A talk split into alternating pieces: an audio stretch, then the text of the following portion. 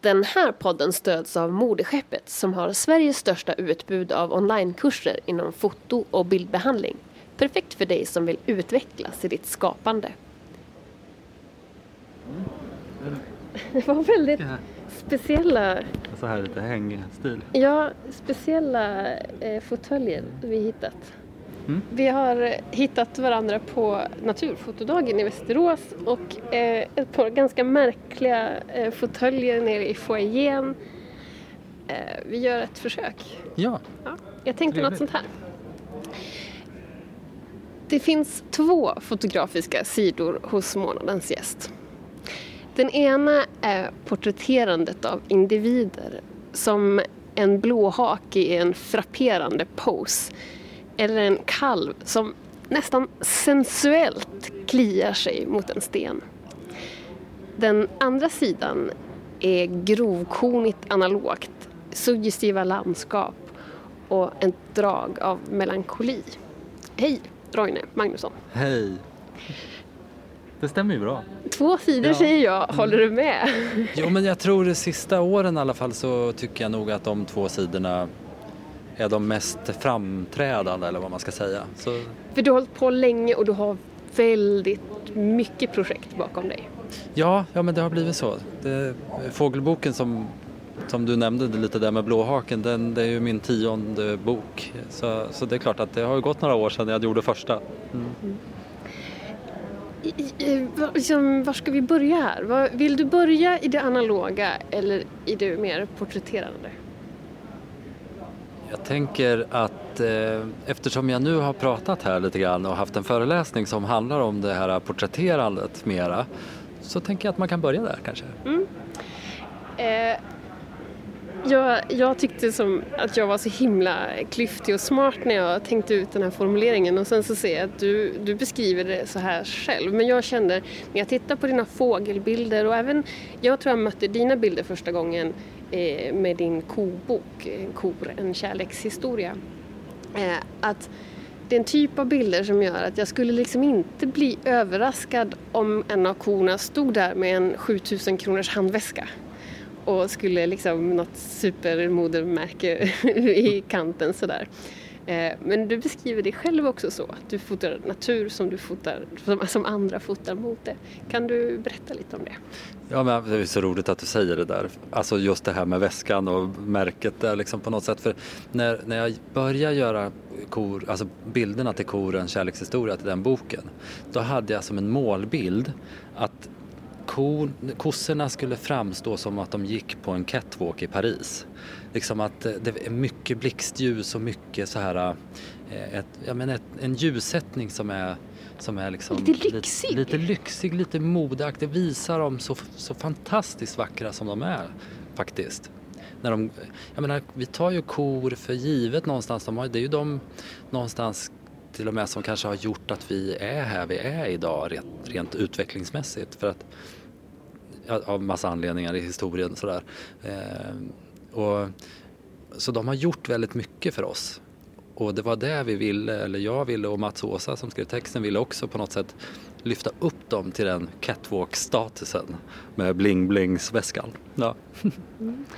Hur, hur kommer det här sig? Alltså, vad kommer målbilden att porträttera dem på det sättet från? ja, det där är lite svårt att svara på ibland tycker jag. Men jag har nog alltid, när jag har gått tillbaka i min fotografi till liksom då jag började, så en naturfotograf fot, foto eh, Alltså jag tror att jag skiljer mig på det sättet att jag ser individen och individen är det viktigaste. Inte det som är liksom runt omkring egentligen. Det är ju också viktigt såklart men, men alltså även då tidigt när jag började skåda fåglar när jag var jätteliten så kunde jag sitta och titta på en individ jättelänge liksom. För att jag tyckte det var så spännande att se vad de höll på med och vad de, jo, vad de, ja, vad de pysslar med, vad de är bra på och dåliga på och sådär.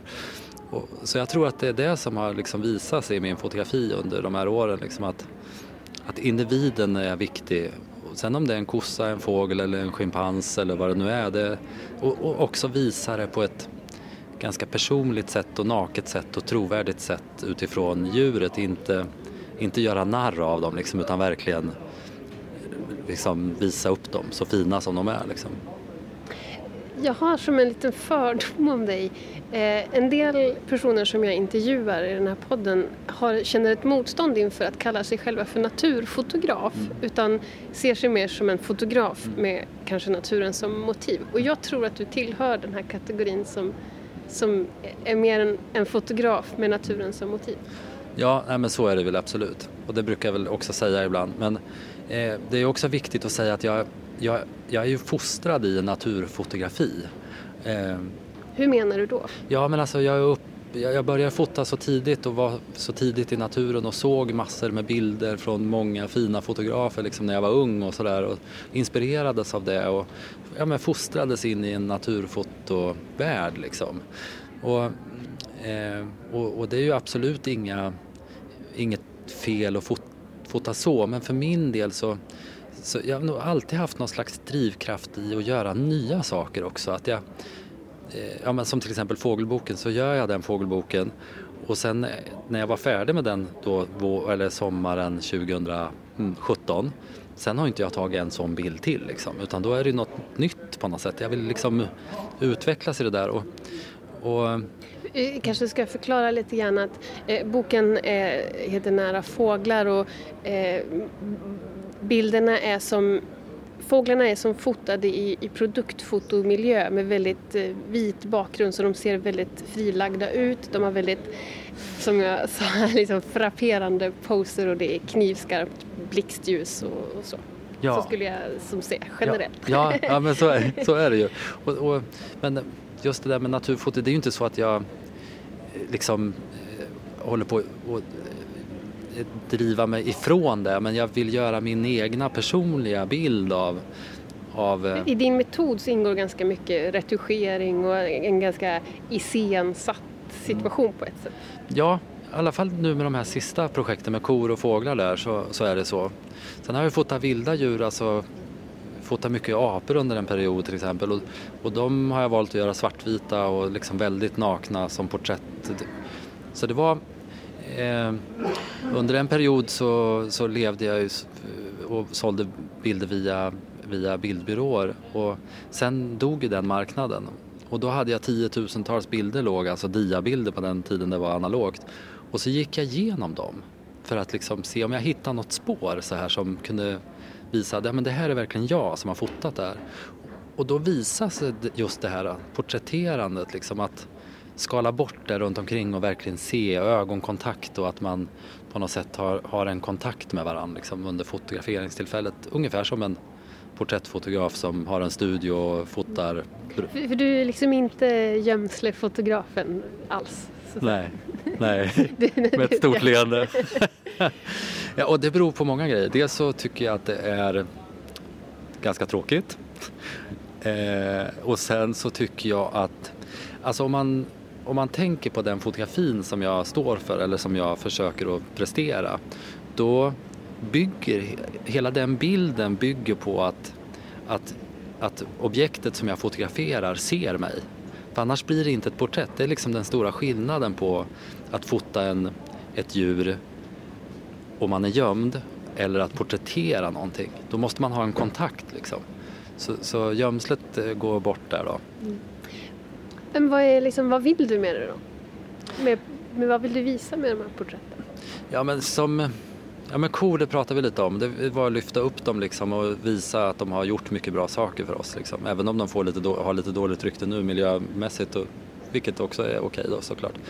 Och fåglarna så, så är det väl ett sätt att eh, det är ju ingen bok som riktar sig till fågelskådare utan det är ju till liksom folk som är intresserade eller tycker fåglar är fascinerande och visa dem på ett sätt. Alltså, den har gått väldigt bra vad jag förstår, översatt till många språk och så. Ja, det är ju helt otroligt.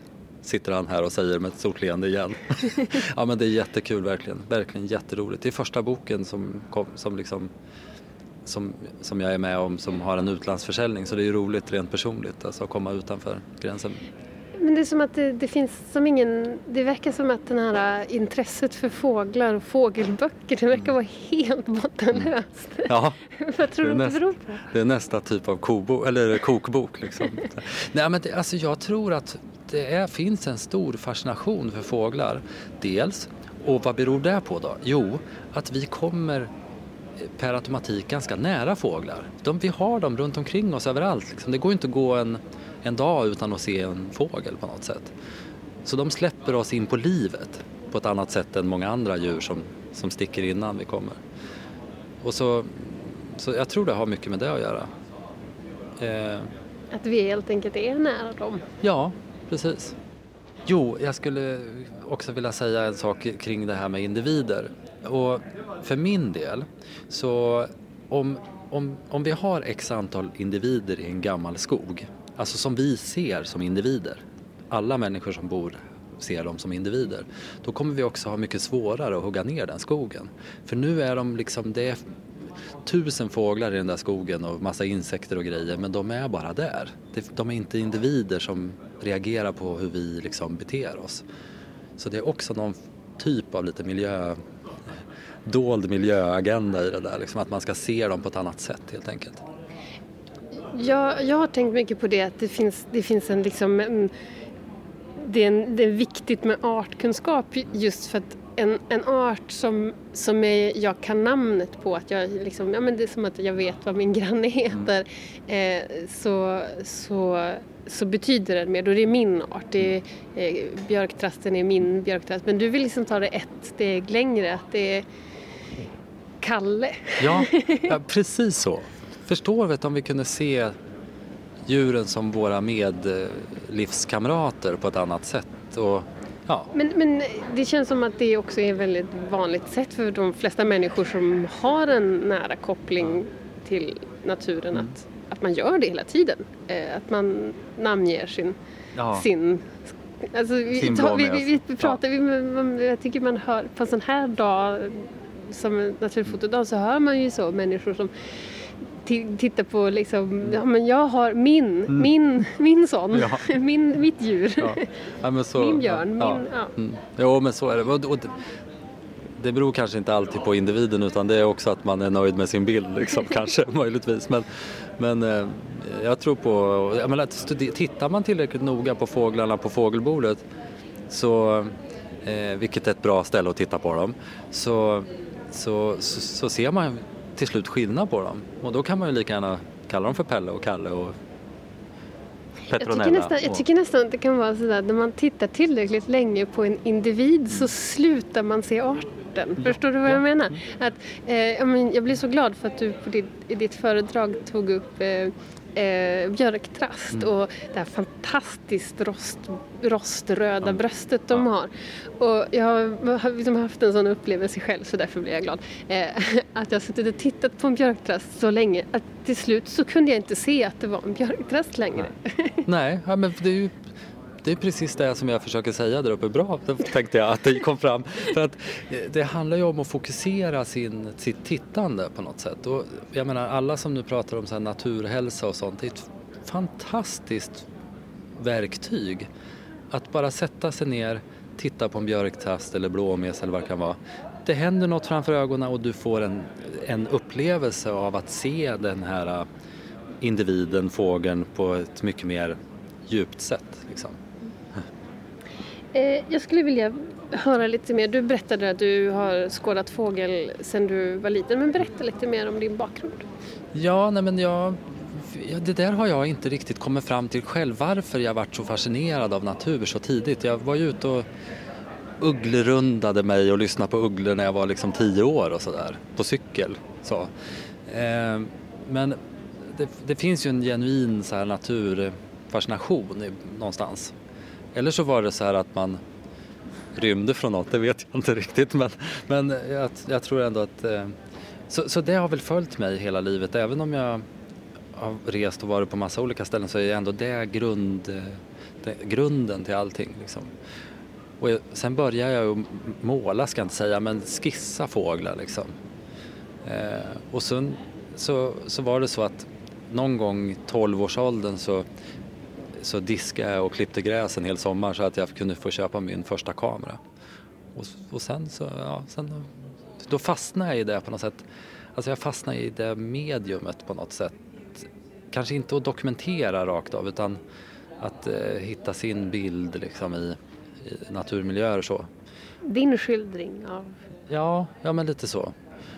Och eh, ja, men det, det var liksom ett stort steg just det här med fotografiet på något sätt. För jag är ju extremt lite insatt i tekniken egentligen. Alltså det är för mig ovidkommande liksom. Jag, hittar jag på en bildstil som jag vill, som jag vill nå så, så tar jag reda på hur man ska göra och, och så liksom. Att, men, men jag är inte så bra på tekniska grejer. Utan, men, men det har jag som ändå tänkt på att, att eh, tekniken är som ändå en del av ditt berättande mm.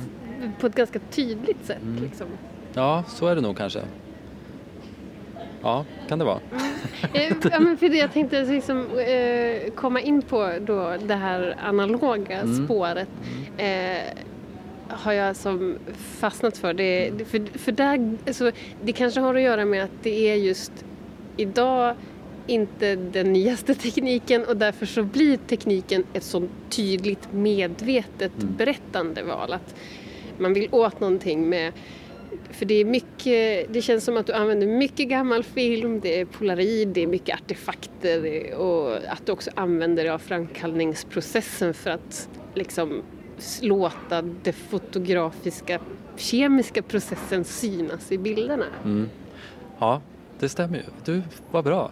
Det var ju det är sammanfattat och klart höll jag på att säga. Men, men, men, jag vill ju höra, vad, jag har bara sett det. Jag ja. vill ju höra dig förklara varför, min, vad du tänker. Min första liksom, alltså jag började ju med analogt från början ända tills det var digitalt allting såklart. Eh, så jag har ju någon slags grundmurad, alltså jag har jobbat mycket med det tidigare, det varit ett uppehåll. Eh, sen eh, den stora anledningen till att jag tog tag i det igen det var att söka en op alltså söka sig bort från perfektion som digitala, eh, alltså inget ont om det för det är jättebra med digitala kameror och allt det där men, men, men det blir perfekt. Alltså någon slags perfektion. Och kör man en gammal polaroid som hade liksom utgångsdatum för 20 år sedan så blir det som det blir. Och det finns en, en, något fint i det tycker jag. Eh, och också en, ett, ett skapande på ett annat sätt i och med att man måste liksom det blir som en hel process på något sätt. Plus, kanske det allra viktigaste, det är att jag kände att det digitala, när det tog över, så, så vart det så digi digitalt. Ja, det vart det ju såklart eftersom det var digitalt. Men det som händer när jag håller på med analoga saker, det är att fotografi blir fysiskt igen. Alltså att någon, det är en handpåläggning, liksom. någonting man gör. Det blir liksom som ett hantverk och fysiskt på något sätt. Och det gillar jag just jättemycket alltså. Men jag tycker det här är ganska intressant för jag, jag håller med och jag förstår vad du menar. Liksom, när man plaskar med, med kemikalier och vätskor så är det ju man kan ju påverka med händerna mm. rent fysiskt mm. resultatet blir. Men egentligen så är det ju inte så stor skillnad mot den digitala processen. Särskilt inte om man liksom retuscherar bilder i efterhand och har mycket bildbearbetning. Då är det också ett så oerhört mm. konkret påverkan. Ja. Varför skiljer det sig? Ja, det är en bra fråga egentligen. För att jag förstår vad du menar. Det som skiljer är nog att, eller en av de sakerna som skiljer för mig ska jag säga, det är att eh, i och med att det inte är perfektion Alltså man har inte en perfekt grundfil utan den är som den är, den ser ut som den ser ut och det vart så här liksom. Och då, då har, man, då har liksom filmen och den här processen redan tagit en del beslut åt den. För är det digitalt då har man en uppsjö av beslut åt alla möjliga håll liksom. Men här eh, hamnar man i det där det blir på något sätt. Eh, det är som att eh, liksom slumpen är medskapare på ett sätt. Lite så, lite så. Sen har man ju liksom en bildtänk och man vet, tänker hur det ska se ut och man eh, liksom på något sätt fotograferar en sak för att det ingår i någonting och sådär. Men, men slumpen är absolut med i den processen. Sen i och med att jag började då med analogt från början, alltså under den digitala tiden som jag har fotat här, då då tar man styckebilder på något sätt. Men med analogt, då känns det mer som att jag fotar bildserier. Att de ingår i, någon, i något större, ska jag inte säga kanske, men de ingår i någon typ av serie av bilder. och det har varit lättare för mig att närma mig med analoga fotografier. Berätta, du, du har, jag tror att det ganska nyligen kommit ut med en bok som heter Himlen är fortfarande blå. Ja. Berätta om det projektet. Ja men det var, det, jag menar det är ju så, det är det personligaste jag har gjort någon gång kan man väl säga. Det handlar ju om min barndom och min uppväxt i mitten av Värmland där min mamma är ifrån. Så det som jag egentligen gjorde det var, jag byggde ett, ett labb med allt som behövs för eh, analoga saker i, i, i Sundmo också. Och sen köpte jag på mig massor med gamla kameror av alla de slag, loppisfynd för 20 spänn och sånt där till riktigt bra kameror. Och sen drog jag ett, streck på kartan runt Sundmosocken. och sen var jag tvungen att hålla mig där innanför. Och så höll jag på i två år och, och gick omkring där och på ett väldigt avslappnat på något sätt att man, man Alltså, som fotograf har man ju alltid någon slags drift att man ska vidare och längre bort och man ska åka högre upp och längre ner i havet och vad det nu är. Liksom. Men här hade jag den här röda linjen som liksom höll inne mig i det här området. Och sen gick jag och utforskade och sökte, sökte en annan typ av bild. Det finns en tidlöshet över de här bilderna på något sätt. Ja, det gör det nog, tror jag. Och också kanske liksom, när man då fotar med gamla kameror så då knäpper man knäpper en bild och sen ser man vad det blir på något sätt. Alltså det, det finns en, det är inte sån, det, det, finns inte, det är mindre, ska säga, vad kallas det? Alltså man har alltid en prestation så här att man ska prestera och göra det på ett visst sätt och man ska följa något, vad man nu ser framför sig. Men här vart det så pretentiöst, var ordet jag sökte. Det blev så pretentiöst på något sätt och ja, vart det fel när jag framkallade så ja, det här vart ju, det kunde ju bli bra också liksom. Det var inte så... Ja. Eh, för det tycker i, när man fotograferar analogt så blir ju liksom efterbearbetningen som en helt annan, det blir så mycket mer påtaglig del. Den, den bild man väljer att jobba med den ska man ändå stå ut med. Mm en stund. Ja, ja, det blir det ju. Så är det ju. Berätta om din. Hur, hur, hur, väljer du och hur tänker du då? Alltså jag går ju oftast, och det gäller ju nästan all fot fotografi som jag gör, så går jag väldigt mycket på någon slags magkänsla. Liksom att den här säger någonting till mig på något sätt. Och det är ju grunden till liksom alla bilder jag tar fram, tar fram egentligen tror jag. Eh, så, men så, såklart, så, sen är det ju en lång process och alla fotografer som jobbar analogt de har ju olika sätt att göra det på. Jag gör det på mitt sätt liksom. Och det finns massa olika steg i det där för att komma till den typen av, vad ska jag säga, tyngd och kornighet och på vilket sätt man nu vill att bilden ska framställas. Så att, ibland så, så, så, eh, vad ska jag säga, så, så kör jag helt fel i, i framkallningen för att jag vill ha ett stuk liksom. Istället för att framkalla 20 grader så framkallar jag 40 grader för att det ska bli kornigare till exempel. Och sådär. För det verkar finnas en stor lekfullhet tycker jag. Mm. Eh, jag, tänk, jag tänker, just nu tänker jag på en specifik bild där det ser ut som att du har, eh, exponer, du har som exponerat olika mycket på olika delar av bilden. Det ser mm. nästan ut som när man gör en provremsa mm. så här, för att se vilken, vilken mm. exponeringstid i, i, man ska ha på, på kopian. Ja, ja, men precis. Det är från min badplats när jag var barn. Där badade jag när jag var typ tre år och sådär. Eh, och, och det, blir, det, det, känns nästan som det gamla draperier som ligger, som ligger för liksom den här vyn ut mot sjön där. Eh, och, och det är, alltså det kan man göra digitalt givetvis, alltså i en dator, det är bara att göra det, det är inte så svårt. Men, men här drar jag fram filmen bara lite grann, exponerar, drar fram lite till, exponerar igen, drar fram lite till och exponerar. Då blir det som de här,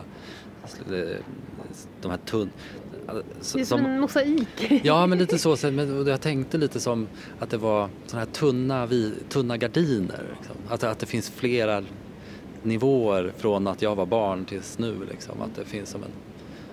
Eh, ja, sådana tunna gamla gardiner som mormor hade när jag var barn. Det tänkte jag på. Mm. Det verkar som att det finns en väldigt här, nyfikenhet och liksom lust att prova grejer. Ja, det... Du har flygit också? Ja, det har jag också. Japp. Men, ja, lite projektfotografen liksom. Jag körde jo, den underbara resan som vi gjorde för många år sedan. Eh, nej, men jag testar nog mig fram sådär och försöker hitta nya spännande projekt som, som passar mig men också som eh, innehåller den här eh, liksom experimentlustan och försöka nå dit man, den bilden man har i huvudet liksom på något sätt. Eller så. Flummigt, men i alla fall något, något åt det hållet. Eh, men eh, berätta mer, du, du är uppvuxen i Värmland, du bor i Örebro-trakten. Mm. Det hörs nästan Ja, en smula. Mm. Eh, men vad liksom, har, har, hur, hur kom det sig att du hamnade i, liksom, i fotobranschen? Det är ingen självklar... Nej, först ska jag rätta lite där faktiskt. För att jag är uppvuxen i Hallsberg. Eh, men mina föräldrar är från Värmland så, att vi har, jag har alltid varit där under hela min barndom. Så jag är uppvuxen på båda ställena kan man säga. Eh, och eh, ja, nu kommer jag med. Eh, det var hur du hamnade i Ja, fotobranschen. Just det. Eh, faktum är att jag tror att jag var tvungen helt enkelt. Och det beror nog på, jag, jobbade, jag utbildade mig till snickare och jobbade som snickare under ett år. Sen insåg jag att det var så jädra tråkigt. För att jag behöver nog nya utmaningar hela tiden. När jag har gjort någonting så behöver jag nya utmaningar för att komma liksom vidare. Annars så tröttnar jag på något sätt. Och det är kanske därför också jag hoppar in i nya projekt hela tiden som är olika med olika förutsättningar. För att, eh, och, och, så någonstans så kändes det så, jag startade ju eh, att jobba som fotograf väldigt tidigt får man nog lov att säga. Jag var väl 24 tror jag. Men jag hade inget annat att välja på heller liksom, riktigt. Tror jag. Plus att jag alltid har jobbat hårt för att uppnå någon slags frihet. Inte frihet att åka överallt utan en frihet i livet liksom. Att kunna göra lite det man vill liksom. Vad, vad har du nu för projekt framför dig? Ja, det där är ju en rolig fråga eftersom jag har ingen aning höll jag på att säga. Riktigt. Nej men så här. Jo men jag, jag har några projekt på gång som, som känns som sådana som jag skulle vilja göra.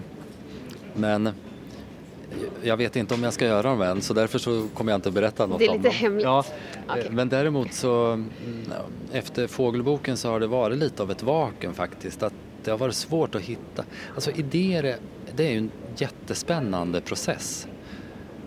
Och, och om man har gjort en bok eller en stor prestation eller vad man ska säga, stort jobb och sen är man färdig och så går luften ur en lite grann. Det är inte alltid som att det bara ramlar ner idéer på en utan det finns, ibland så hamnar man i någon liten svacka där där man känner att Hur förhåller du dig till den? En del... Eh, ingen, en del kan känna sig lite stressade av Ja, den här ja. eh, Ja, men det gör, det gör jag också absolut. Alltså varannan dag typ är jag skitstressad och tänker att nej det är slut nu, jag kommer aldrig komma på något mer. Eh, och nästa dag så tänker jag, ja, men bara sitt ner i båten, det kommer liksom. Det har, har det alltid gjort förut så det kommer den här gången också. Bara, jag tror man också kanske måste kliva undan en bit för att hitta de där riktiga kärnämnena som är faktiskt Även om det är fåglar men ändå liksom en, någon slags personlighet från en själv liksom. Så då behövs det nog att man kliver undan lite ibland utan att få panik, stressattacker liksom. Även om jag får det också ibland. Mm. Eh, hur, hur fungerar det liksom? Vad är det? Finns det, någon, finns det något tema i hur liksom, vad som liksom tänder de där idéerna? Eller liksom vad som gör att... För jag menar, jag tänker Samtidigt är det, också det är inte en svår konst att få idéer. Den svåra konsten är att få idéer som man känner att man vill leva med så pass länge som ett riktigt projekt faktiskt innebär. Ja, här visst. Ja, och sen ska man ju också, vad ska man säga? Ett, ett, som fågelboken till exempel, det är ju ändå, man lägger ju två år av ens liv i det här projektet, i den famnen på något sätt.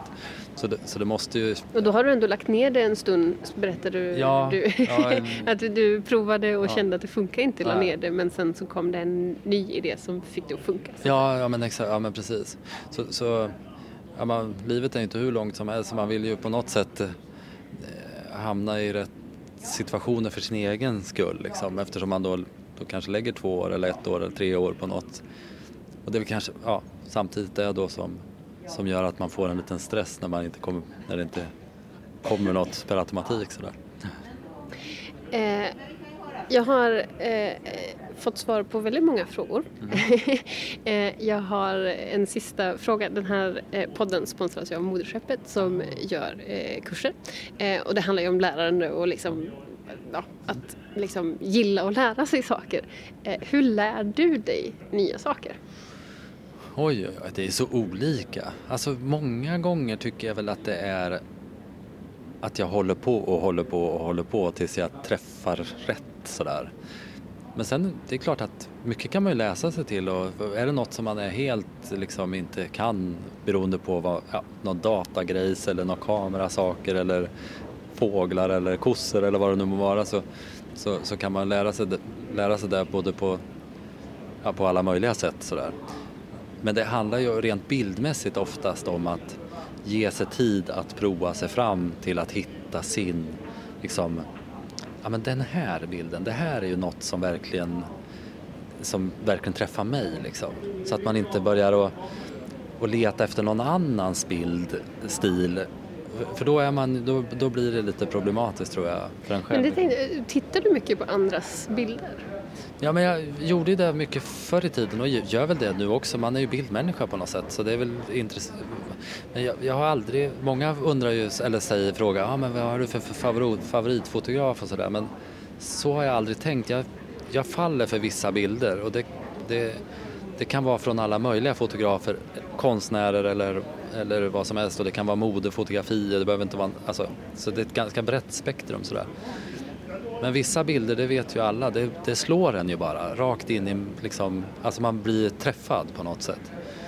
Och, och jag tror, så har jag nog gjort under hela tiden att jag eh, har försökt att komma ihåg de där bilderna, alltså någonstans liksom registrera den här bilden, den var en reaktion hos mig. Och, och, och, sen gör man inte samma sak men tio år senare så kanske det finns ett anlag. Man skapar så här, som sin egen Noaks ark där man ja, här, stoppar ja, in ja. saker som det här måste jag ha med mig. Ja, ja men precis och, och, då kan det hamna, jag tittar så mycket på modefotografier under en period och det syns ju i kobilderna till exempel.